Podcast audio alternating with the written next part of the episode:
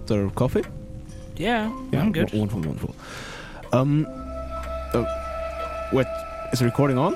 Yeah, turn it on right now, actually. Oh, um, good evening, and welcome to Horror Night. My name is Hans, and um, as always, we have. Uh, Trond? But today we also have a guest. Actually, the first guest in this show. Well, our guest. Martin Palmer. Wonderful. Well, today we're mostly going to talk about Arthur Machen and um, H.P. Lovecraft. And, well, that's why you're here, because you know something about both of them. Some things, yeah. Wonderful. We're Gonna listen to The Bowmen by um, Arthur Machen. But first, The Bowmen. What's behind this story? Uh, the Bowmen was uh, written by by uh, he was working in uh, in the evening news as a journalist, and um,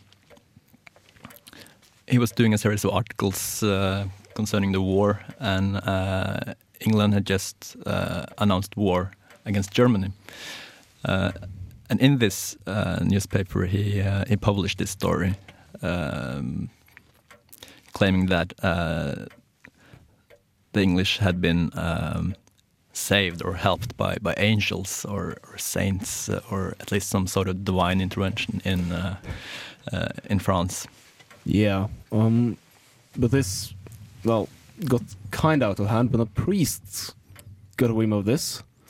Uh, yeah, um, there was a priest who, who ran a magazine and and he had uh, also read the story in the evening news and uh, and wrote to to Arthur Machen and, and asked his permission to republish it because this would prove.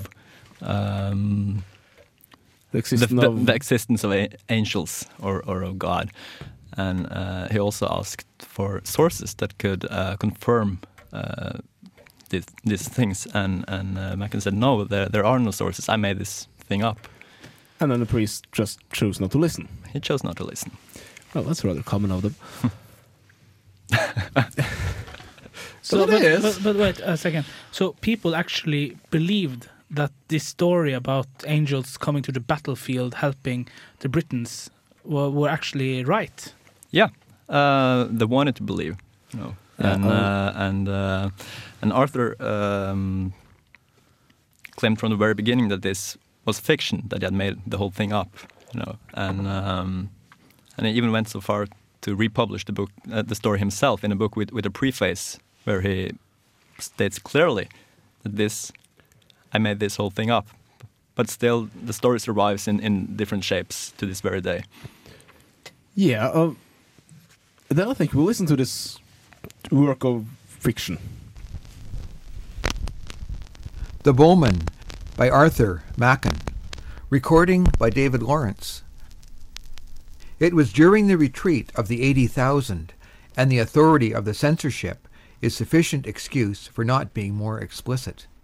But it was on the most awful day of that awful time, on the day when ruin and disaster came so near that their shadow fell over London far away, and, without any certain news, the hearts of men failed within them and grew faint, as if the agony of the army in the battlefield had entered into their souls. On this dreadful day, then, when three hundred thousand men in arms with all their artillery swelled like a flood against the little English company, there was one point above all other points in our battle line which was for a time in awful danger, not merely of defeat, but of utter annihilation. With the permission of the censorship and of the military expert, this corner may, perhaps, be described as a salient. And if this angle were crushed and broken, then the English force as a whole would be shattered, the Allied left would be turned, and Sedan would inevitably follow. All the morning the German guns had thundered and shrieked against this corner, and against the thousand or so of men who held it. The men joked at the shells, and found funny names for them, and had bets about them, and greeted them with scraps of music hall songs. But the shells came on and burst, and tore good Englishmen limb from limb, and tore brother from brother, And as the heat of the day increased, so did the fury of that terrific cannonade. There was no help, it seemed.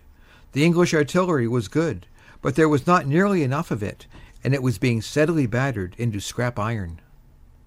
There comes a moment in a storm at sea when people say to one another, It is at its worst, it can blow no harder. And then there is a blast ten times more fierce than any before it. So it was in these British trenches. There were no stouter hearts in the world than the hearts of these men, but even they were appalled as this seven times heated hell of the German cannonade fell upon them, and overwhelmed them and destroyed them. And at this very moment they saw from their trenches that a tremendous host was moving against their lines. Five hundred of the thousand remained, and as far as they could see the German infantry was pressing on against them, column after column, a grey world of men, ten thousand of them, as it appeared afterwards. There was no hope at all. They shook hands, some of them. One man improvised a new version of the battle song. Goodbye, goodbye to Tipperary, ending with, And we shan't get there. And they all went on firing steadily, the officers pointing out that such an opportunity for high class, fancy shooting might never occur again. The Germans dropped line after line. The Tipperary humorist asked, What price Sydney Street? And the few machine guns did their best, but everyone knew it was of no use. The dead grey bodies lay in companies and battalions as others came on and on and on, and they swarmed and stirred and advanced from beyond and beyond. World without end, Amen, said one of the British soldiers with some irreverence as he took aim and fired. And then he remembered. He says he cannot think why or wherefore.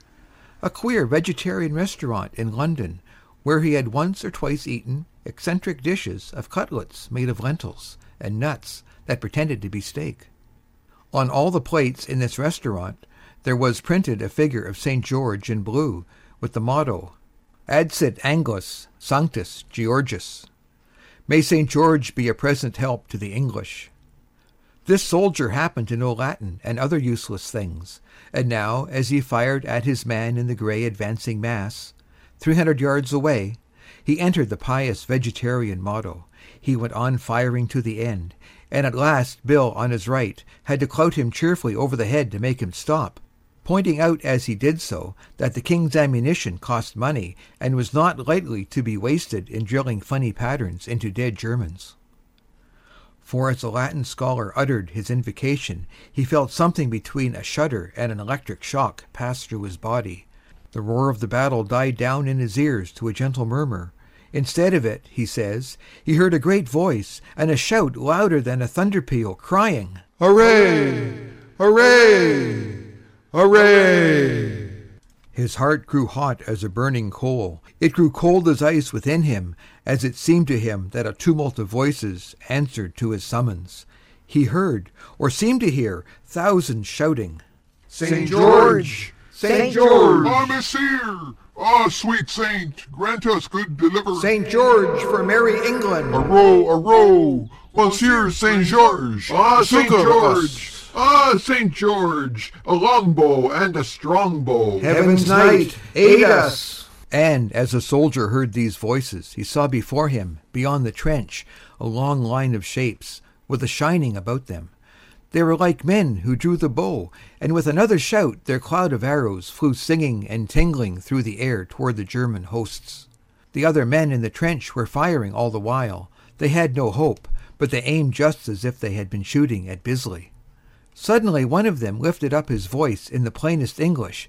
God help us! he bellowed to the man next to him. But we're bloomin' marvels! Look at those grey gentlemen! Look at them! Do you see them? They're not going down in dozens, nor in hundreds. It's thousands, it is. Look, look! There's a regiment gone while I'm talking to 'ee. Shut it! the other soldier bellowed, taking aim. What are ye gassing about? But he gulped with astonishment even as he spoke, for indeed the grey men were falling by the thousands. The English could hear the guttural screams of the German officers, the crackle of their revolvers as they shot the reluctant, and still line after line crashed to the earth. All the while the Latin bred soldier heard the cry, Arrow, arrow, Monseigneur! Dear saint, quick to our aid! Saint George, help us! My Chevalier, defend us! The singing arrows fled so swift and thick that they darkened the air. The heathen horde melted before them. More machine guns! Bill yelled to Tom. Don't hear them, Tom yelled back, but thank God anyway, they've got it in the neck. In fact, there were 10,000 dead German soldiers left before that salient of the English army, and consequently there was no Sedan. In Germany, a country ruled by scientific principles, the great General Staff decided that the contemptible English must have employed shells containing an unknown gas of a poisonous nature, as no wounds were discernible on the bodies of the dead German soldiers. But the man who knew what nuts tasted like when they called themselves steak knew also that St. George had brought his Agincourt bowmen to help the English.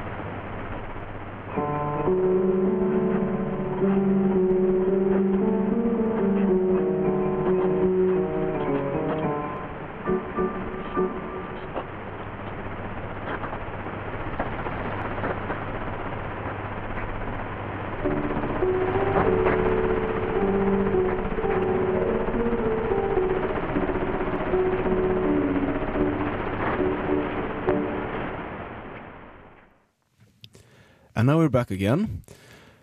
And Martin, Mhm. who are you? I mean, you just said your Who name. am I? Yes, you're a human being, at least I presume you are, More or less, I think. more or less. right. Um, leave that be for now. But but you're uh, you're kind of a specialist. But uh, I wouldn't say specialist. Ah. I I, uh, I run a small um, sort of lecture club uh, in Trondheim called uh, Forum where we uh, invite well lecturers to, to talk about various subjects circling around uh, occultism and, and esotericism. But uh, recently we've also uh, delved sort of into uh, supernatural beings like uh, vampires and zombies and demons. And we- we've also had uh, a lecture on uh, H.P. Lovecraft and, and uh, the cult of Cthulhu. Which was really interesting. Thank you. People have been doing a lot of weird stuff with Lovecraft. Well, Well, they have, oh yes, they have. And so- they, and they do still do.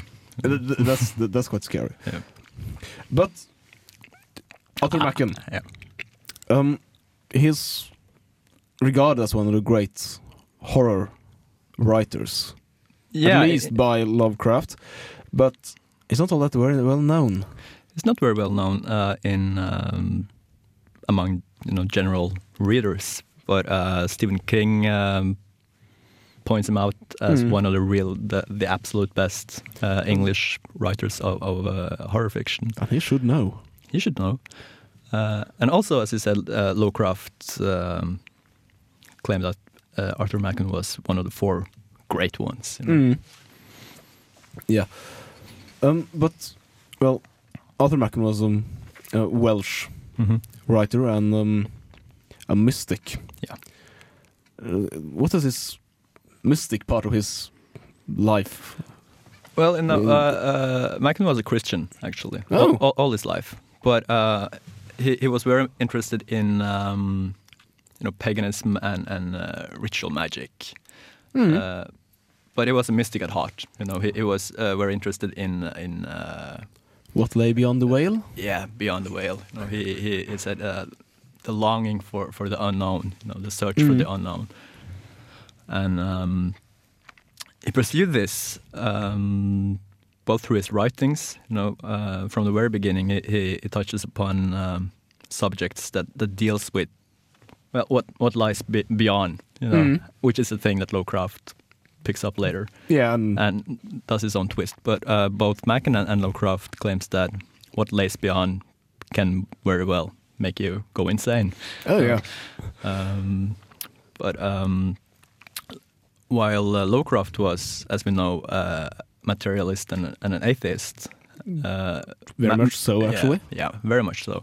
Machen pursued this uh, path, you know, uh, and he, um, he actually joined uh, the Hermetic Order of the Golden Dawn for uh, a short period of time through his friend uh, Arthur Edward Waite, who is a, a, a very prominent figure in uh, in modern occultism. Mm.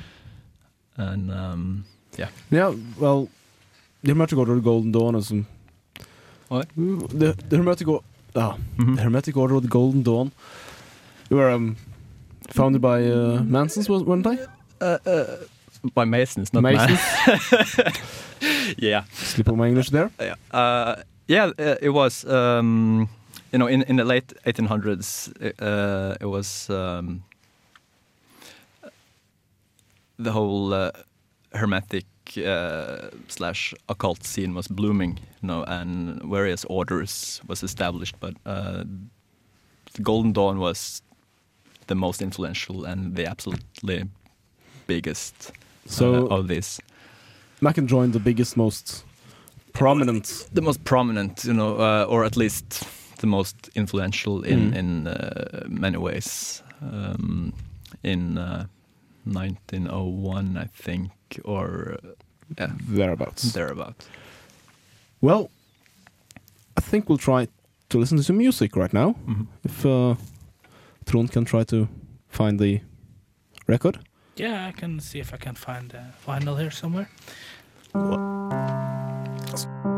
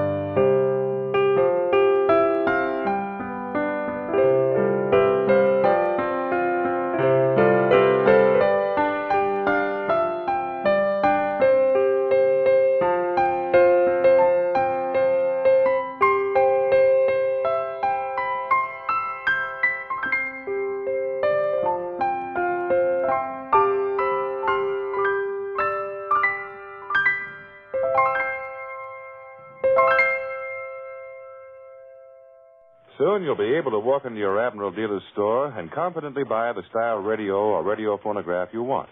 The selection of Admiral radios will be complete.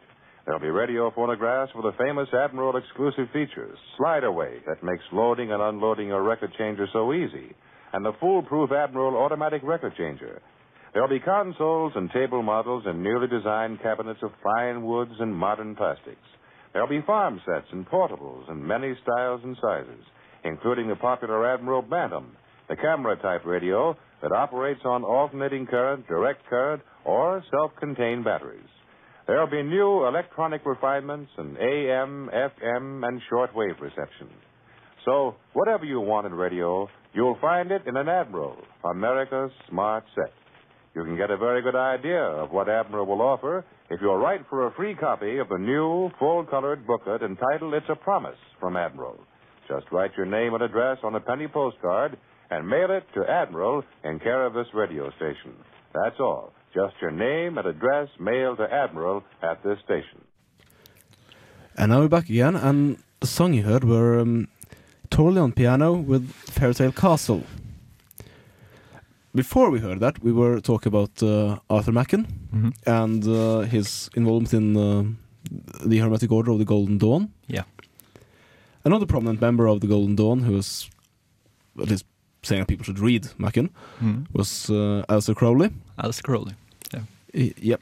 And um, well, Crowley's been yeah, more or less setting the path for Western occultism since Very He- much so. Yeah. since his um, book, Book of the Law. hmm And his whole system of magic. Of Yeah, course. but Yeah. that was the book that started it all. Yeah. Okay. When he got the voices in his head.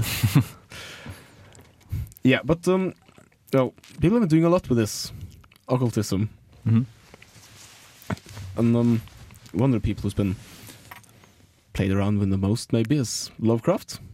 Yeah.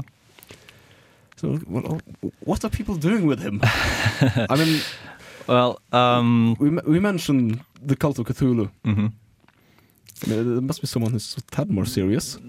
Yeah, there there's serious people working with uh, the material from from Lovecraft. Um, in uh, the seventies, um, a small publishing uh, company called uh, The Magickal Childe uh, released a book called Necronomicon, claiming it was the actual Necronomicon, uh, which, as we know, was. Um, a book made up by Lovecraft, uh, featuring in some of his stories.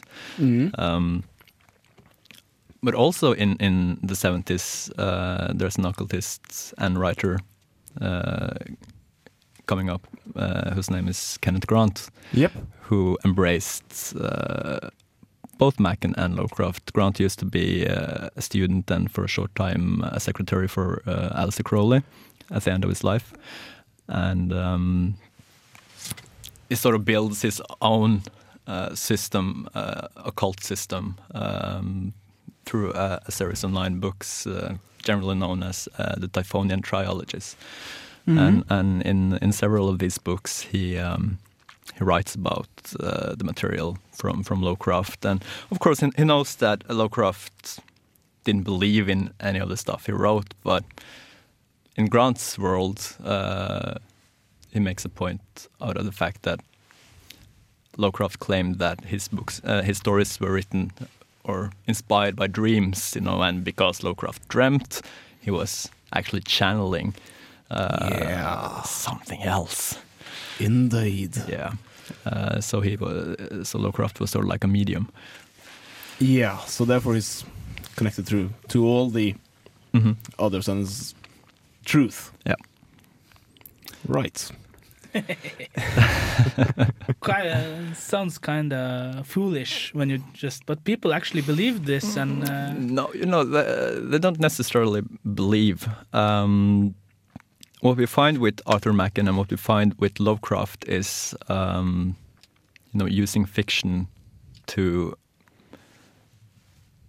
change the way we view the world. And even though people may be aware that Lovecraft is, uh, or well, the stuff Lovecraft writes about isn't real or that it's fiction. No, um, people like Grant builds a system where- where you can use this pantheon of, of uh, beings and gods or whatever, and and have real experiences. You know, Mm. Although Lovecraft writes about them as beings that will eat you, but well, nonetheless, yeah, well, you know, but uh, people believe all manner of things, don't Question: they? but Why should God be? Uh, if God, if one or more gods exist, why should they be very fond of us? no, no, no idea. Oh, but we are nice playthings. Yeah, I, say. thi- I think we are. Yeah. It's been a nice, comical, sadistic show. yeah, but you know, if if you if you choose to read things symbolically, you can read any sort of symbols into it. Oh yes, there's no no ending what you can Yeah. can read into things. So for those uh, those who are uh, acquainted with with uh, Kabbalah, you know, uh, Grant claims that Cthulhu actually resides in Binah, but that's beyond the point. Yeah. Anyway, Yeah, yeah, okay. just kind of stopped my thoughts there. Mhm. But um, you mentioned, while we'll listen to the song, the Order of Nine Angles. Yeah. and their cosmic thing. Yeah, you know, Order of the Nine Angles, they're um, a rather extreme uh, satanic organization, or it's not really an organization. It's uh, you can call it a movement, and um, they too use. They're interesting from uh, a horror fiction perspective because they use a lot of well fiction as Mm. actually they, they claim it's instructions for for their members or their or their students, and. Um, yeah, well, the things we talked about was uh, their final goal, which is you know uh, the great satanic galactic empire and and uh, a new being, a new human race called the Homo Galacticus. yeah, Um, that's but uh, that didn't really have anything to do with Cthulhu. They don't, they don't no, use- well, no, no, but um, the cosmic perspective. Mhm. Lovecraft also uses the cosmic perspective. Sure. he started the cosmic horror. Mhm. God, I've used a lot, the word cosmic a lot. Then. uh, never mind that. The idea that humans are so very insignificant that if you realize how insignificant we are, we'll, well, go insane. Yeah. And that's the selling point, you know, uh, in in his stories and, and in this whole worldview. Yeah, all the protagonists are mad because they realized how That- insignificant they are, or rather, how much bigger the universe actually is. Mm. So, tonight's story, The Crawling Chaos, it's, uh, well, it's part of the dream cycle. It uh, touches into this, but not as much as the Cthulhu mythos. Mm. But um, I think we're more or less done with chatting about Lovecraft and Machen. If anyone has anything to add? Well, this is uh, we're almost done with talking for this uh, this uh, podcast. I think we are. Yeah. So yeah, Okay. I think that's uh, it. And Then- have uh, Thank you, Martin. Thank you And- for having me. Thanks for listening. And now we'll listen to The Crawling Chaos by H.P. Lovecraft. The Crawling Chaos by H.P. Lovecraft. Of the pleasures and pains of opium, much has been written. The ecstasies and horrors of De Quincey and the Paradis Artificiels of Baudelaire are preserved and interpreted with an art which makes them immortal. And the world knows well the beauty, the terror, and the mystery of those obscure realms into which the inspired dreamer is transported. But, much as has been told, no man has yet dared intimate the nature of the phantasms thus unfolded to the mind, or hint at the direction of the unheard of roads along whose ornate and exotic course the partaker of the drug is so irresistibly borne. De Quincey was drawn back into Asia, that teeming land of nebulous shadows whose hideous antiquity is so impressive that, quote, the vast age of the race and name overpowers the sense of youth in the individual, unquote. But farther than that, he dared not go. Those who have gone farther seldom returned, and even when they have, they have been either silent or quite mad. I took opium but once, in the year of the plague, when doctors sought to deaden the agonies they could not cure. There was an overdose. My physician was worn out with horror and exertion, and I traveled very far indeed. In the end, I returned and lived.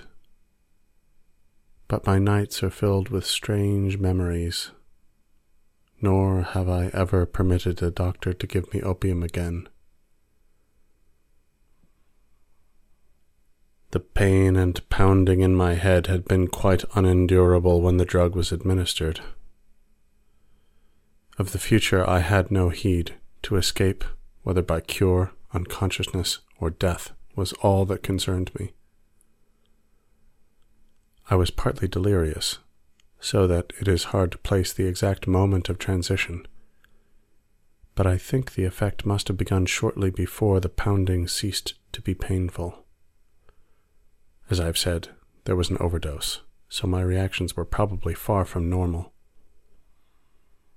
The sensation of falling, curiously dissociated from the idea of gravity or direction, was paramount.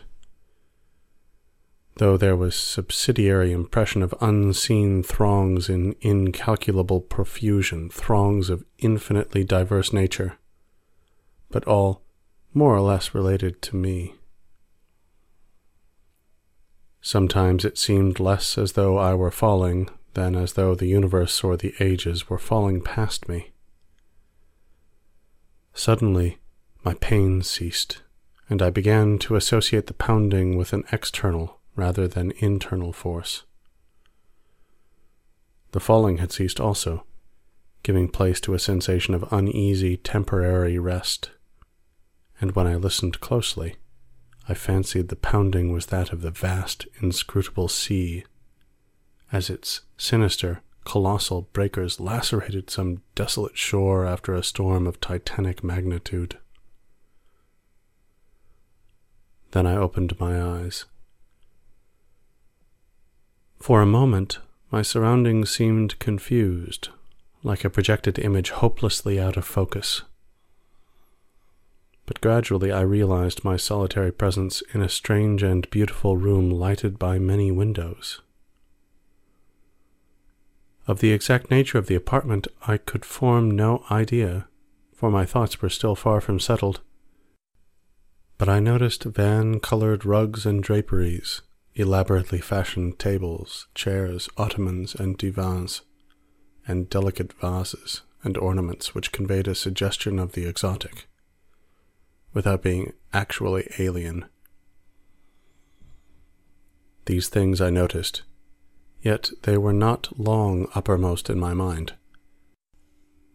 Slowly but inexorably crawling upon my consciousness and rising above every other impression came a dizzying fear of the unknown, a fear all the greater because I could not analyze it and seeming to concern a stealthily approaching menace, not death, but some nameless, unheard of thing inexpressibly more ghastly and abhorrent. Presently, I realized that the direct symbol and excitant of my fear was the hideous pounding whose incessant reverberations throbbed maddeningly against my exhausted brain. It seemed to come from a point outside and below the edifice in which I stood, and to associate itself with the most terrifying mental images. I felt that some horrible scene or object lurked beyond the silk-hung walls and shrank from glancing through the arched, latticed windows that opened so bewilderingly on every hand. Perceiving shutters attached to these windows, I closed them all averting my eyes from the exterior as I did so. Then, employing a flint and steel which I found on one of the small tables, I lit the many candles reposing about the walls in arabesque sconces. The added sense of security brought by closed shutters and artificial light calmed my nerves to some degree, but I could not shut out the monotonous pounding. Now that I was calmer, the sound became as fascinating as it was fearful, and I felt a contradictory desire to seek out its source despite my still powerful shrinking. Opening a portiere at the side of the room nearest the pounding, I beheld a small and richly draped corridor ending in a cavern door and large oriel window. To this window I was irresistibly drawn, though my ill-defined apprehensions seemed almost equally bent on holding me back. As I approached it, I could see a chaotic whirl of waters in the distance. Then, as I attained it and glanced out on all sides, the stupendous picture of my surroundings burst upon me with full and devastating force.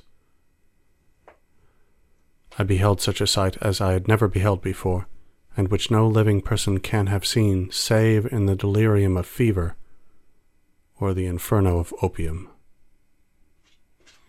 The building stood on a narrow point of land, or what was now a narrow point of land, fully three hundred feet above what must lately have been a seething vortex of mad waters.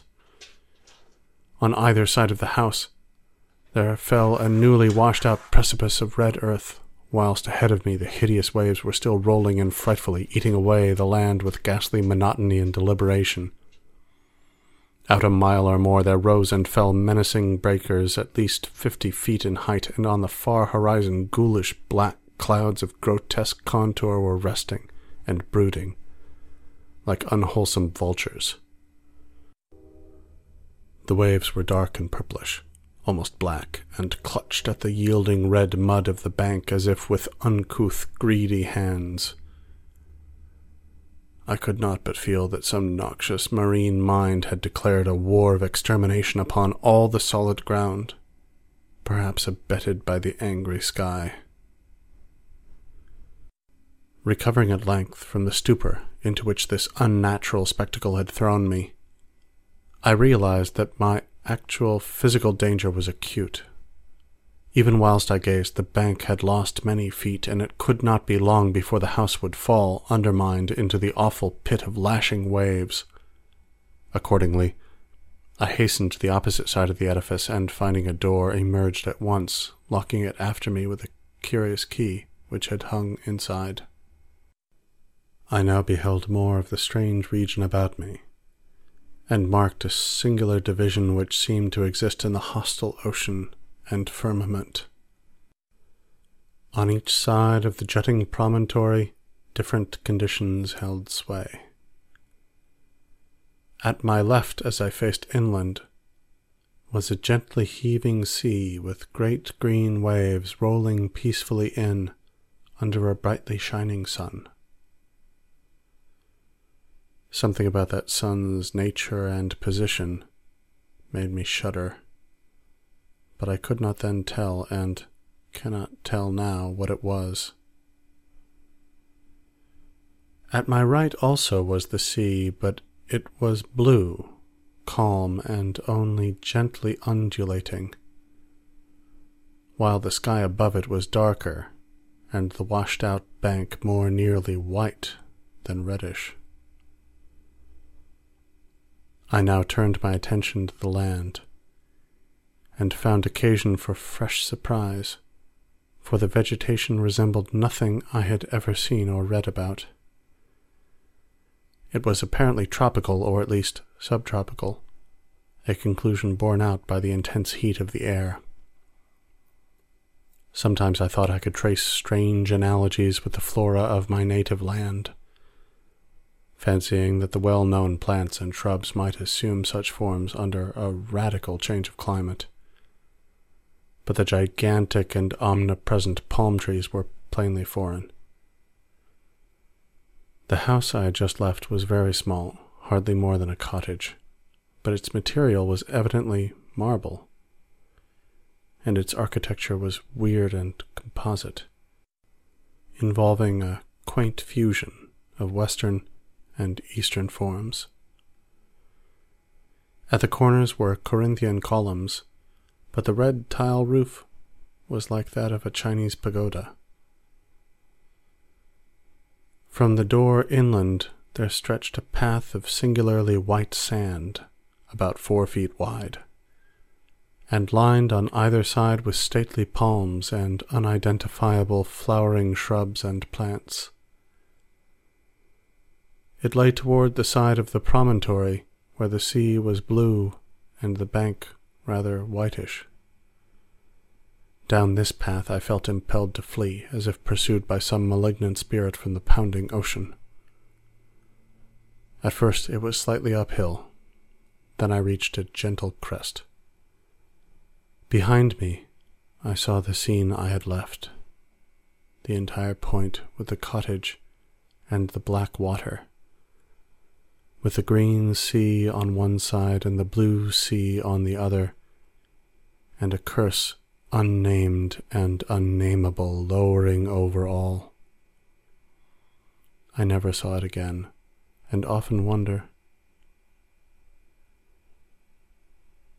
After this last look, I strode ahead and surveyed the inland panorama before me.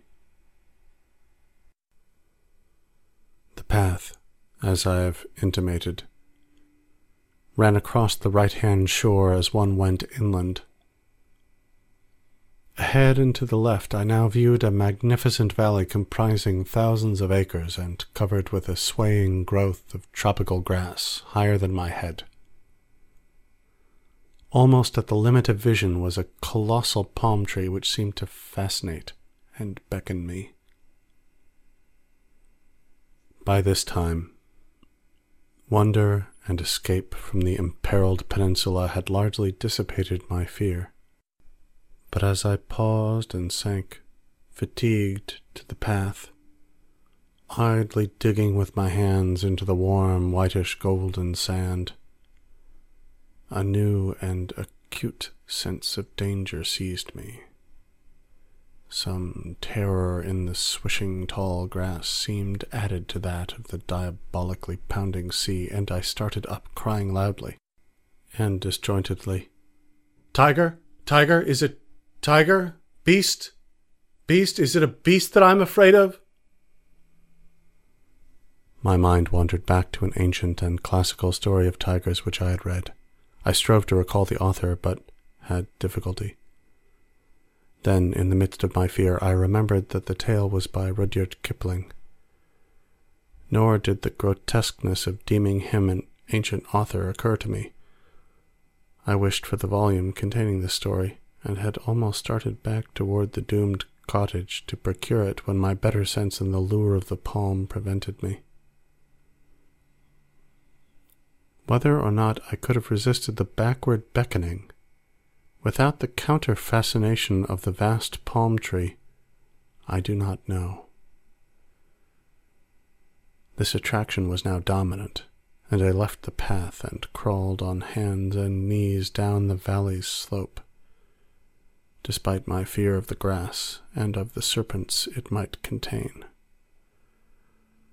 I resolved to fight for life and reason as long as possible against all menaces of sea or land, though I sometimes feared defeat as the maddening swish of the uncanny grasses joined the still audible and irritating pounding of the distant breakers. I would frequently pause and put my hands to my ears for relief, but could never quite shut out the detestable sound. It was, as it seemed to me, only after ages that I finally dragged myself to the beckoning palm tree and lay quiet beneath its protecting shade. There now ensued a series of incidents which transported me to the opposite extremes of ecstasy and horror incidents which I tremble to recall and dare not seek to interpret. No sooner had I crawled beneath the overhanging foliage of the palm than there dropped from its branches a young child of such beauty as I never beheld before. Though ragged and dusty, this being bore the features of a faun or demigod, and seemed almost to diffuse a radiance in the dense shadow of the tree. It smiled and extended its hand, but before I could arise and speak, I heard in the upper air the exquisite melody of singing. Notes high and low blent with a sublime and ethereal harmoniousness. The sun had by this time sunk below the horizon, and in the twilight I saw an aureole of lambent light encircled the child's head. Then in a tone of silver it addressed me. It is the end. They have come down through the gloaming from the stars. Now all is over, and beyond the Arinurian streams we shall dwell blissfully in Teloe. As the child spoke, I beheld a soft radiance through the leaves of the palm tree, and, rising, greeted a pair whom I knew to be the chief singers among those I had heard. A god and goddess they must have been, for such beauty is not mortal. And they took my hands, saying, Come, child, you have heard the voices, and all is well. In Teloe, beyond the Milky Way and the Arinurian streams, are cities, all of amber and chalcedony, and upon their domes of many facets glisten the images of strange and beautiful stars. Under the ivory bridges of Teloe flow rivers of liquid gold, bearing pleasure barges bound for blossomy Cytharion of the seven suns. And in Teloe and Cytharion abide only youth, beauty, and pleasure, nor are any sounds heard save of laughter, song, and the lute. Only the gods dwell in Teloe of the golden rivers, but among them shalt thou dwell. As I listened enchanted, I suddenly became aware of a change in my surroundings. The palm tree, so lately overshadowing my exhausted form, was now some distance to my left, and considerably below me. I was obviously floating in the atmosphere, companioned not only by the strange child and the radiant pair, but by a constantly increasing throng of half-luminous, vine-crowded youths and maidens with wind-blown hair and joyful countenance. We slowly ascended together, as if borne on a fragrant breeze which blew not from the earth but from the golden nebulae. And the child whispered in my ear that I must look always upward to the pathways of light and never backward to the sphere I had just left. The youths and maidens now chanted mellifluous choriambics to the accompaniment of lutes, and I felt enveloped in a peace and happiness more profound than any I had in life imagined. When the intrusion of a single sound alerted my destiny and shattered my soul. Through the ravishing strains of the singers and the lutanists, as if in mocking, demonic concord throbbed from gulfs below the damnable, the detestable pounding of that hideous ocean. As those black breakers beat their message into my ears, I forgot the words of the child and looked back down upon the doomed scene from which I thought I had escaped. Down through the ether, I saw the accursed earth slowly turning, ever turning, with angry and tempestuous seas gnawing at wild, desolate shores and dashing foam against the tottering towers of deserted cities and under a ghastly moon there gleamed sights I can never describe, sights I can never forget. Deserts of corpse-like clay and jungles of ruin and decadence where once stretched the populous plains and villages of my native land, and maelstroms of frothing ocean where once rose the mighty temples of my forefathers. Round the northern pole steamed a morass of noisome growths and miasmal vapors, hissing before the onslaught of the ever-mounting waves that curled and fretted from the shuddering deep. Then a rending report clave the night, and athwart the desert of deserts appeared a smoking rift. Still the black ocean foamed and gnawed, eating away the desert on either side as the rift in the center widened and widened. There was now no land left but the desert, and still the fuming ocean ate and ate. All at once I thought even the pounding sea seemed afraid of something, afraid of the dark gods of the inner earth that are greater than the evil god of waters. But even if it was, it could not turn back, and the desert had suffered too much from those nightmare waves to help them now. So the ocean ate the last of the land and poured into the smoking gulf, thereby giving up all it had ever conquered. From the new flooded lands it flowed again, uncovering death and decay. And from its ancient and immemorial bed it trickled loathsomely, uncovering nighted secrets of the years when time was young and the gods unborn. Above the waves rose weedy, remembered spires. The moon laid pale lilies of light on dead London, and Paris stood up from its damp grave to be sanctified with stardust. Then rose spires and monoliths that were weedy but not remembered. Terrible spires and monoliths of lands that men never knew were lands there was not any pounding now, but only the unearthly roaring and hissing of waters tumbling into the rift. The smoke of that rift had changed to steam, and almost hid the world as it grew denser and denser. It seared my face and hands, and when I looked to see how it affected my companions, I found they had all disappeared.